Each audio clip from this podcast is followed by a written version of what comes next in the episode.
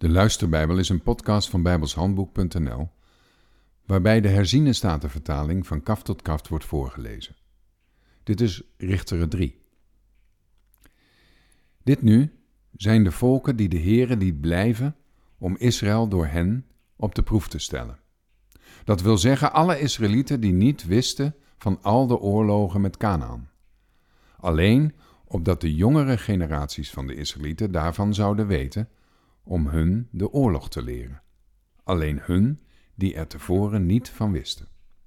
Vijf vorsten van de Filistijnen en al de Canaanieten, de Sidoniërs en de Hefieten, die in het bergland van de Libanon woonden, van de berg Baal Herman af tot aan Lebo Hamat.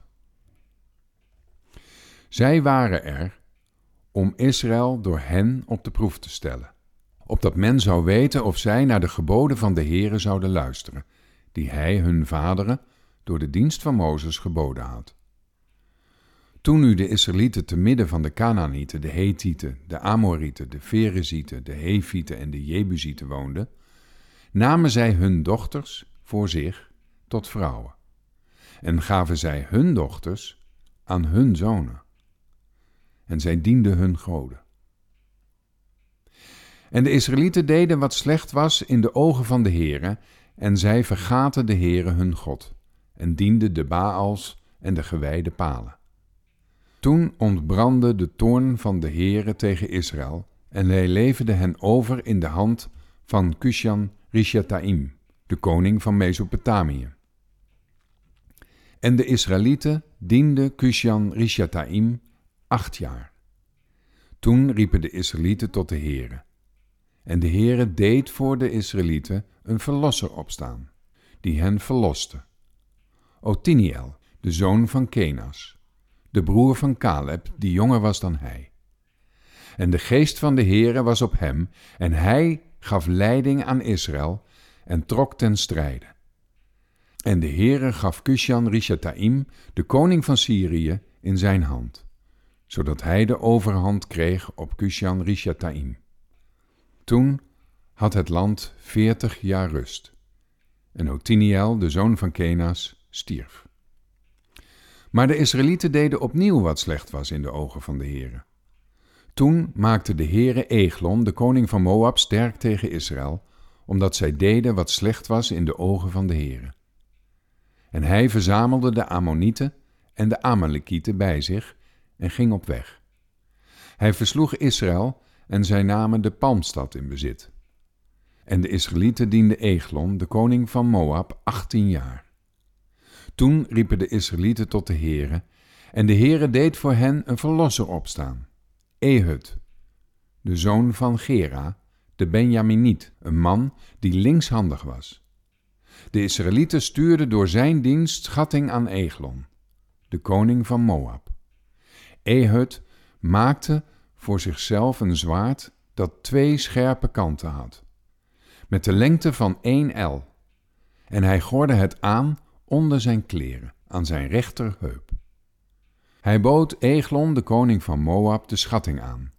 Nu was Eglon een zeer zwaarlijvig man. En het gebeurde toen hij gereed was met het aanbieden van de schatting, dat hij de mensen die de schatting gedragen hadden, wegstuurde. Zelf keerde hij echter vanaf de afgodsbeelden die in Gilgal waren terug en zei: Ik heb een geheime zaak voor u, koning. Deze zei: Stilte. En allen die om hem heen stonden, gingen bij hem weg. En Ehud kwam naar hem toe, terwijl hij in het koele bovenvertrek zat, dat hij voor zich alleen had. Toen zei Ehud: Ik heb een woord van God voor u. En hij stond op van de troon.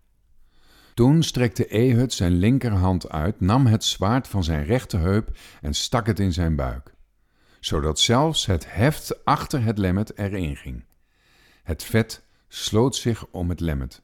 Hij trok het zwaard namelijk niet uit zijn buik, en de darminhoud kwam eruit. Toen ging Ehud naar buiten de galerij op. De deuren van het bovenvertrek sloot hij achter zich en deed ze op slot. Toen hij naar buiten gegaan was, kwamen zijn dienaren kijken, maar zie, de deuren van het bovenvertrek zaten op slot. Toen zeiden zij: Hij doet zeker zijn behoefte in het koele vertrek. En zij bleven tot schamens toe wachten. Maar zie, hij opende de deuren van het bovenvertrek niet. Toen namen zij de sleutel en deden open, en zie, hun heer lag dood op de grond. Maar Ehud ontkwam, terwijl zij wachten. Hij kwam langs de afgodsbeelden en ontkwam naar Sehira. En het gebeurde toen hij daar aankwam, dat hij op zijn bezuin blies in het bergland van Ephraim. En de Israëlieten daalden met hem af uit het bergland, en hij zelf ging voor hen uit. En hij zei tegen hen: Volg mij, want de Heere heeft uw vijanden, de Moabieten, in uw handen gegeven.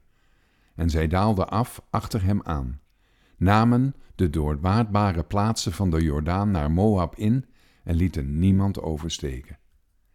En in die tijd versloegen zij de Moabieten, ongeveer tienduizend man, allemaal welgedane en strijdbare mannen, zodat niet één man ontkwam. Zo werd Moab op die dag onder de hand van Israël vernederd. En het land had tachtig jaar rust. Na hem kwam Samgar, de zoon van Anath. Hij doodde de Filistijnen, zeshonderd man, met een prikstok voor assen. Zo verloste ook hij Israël. Tot zover.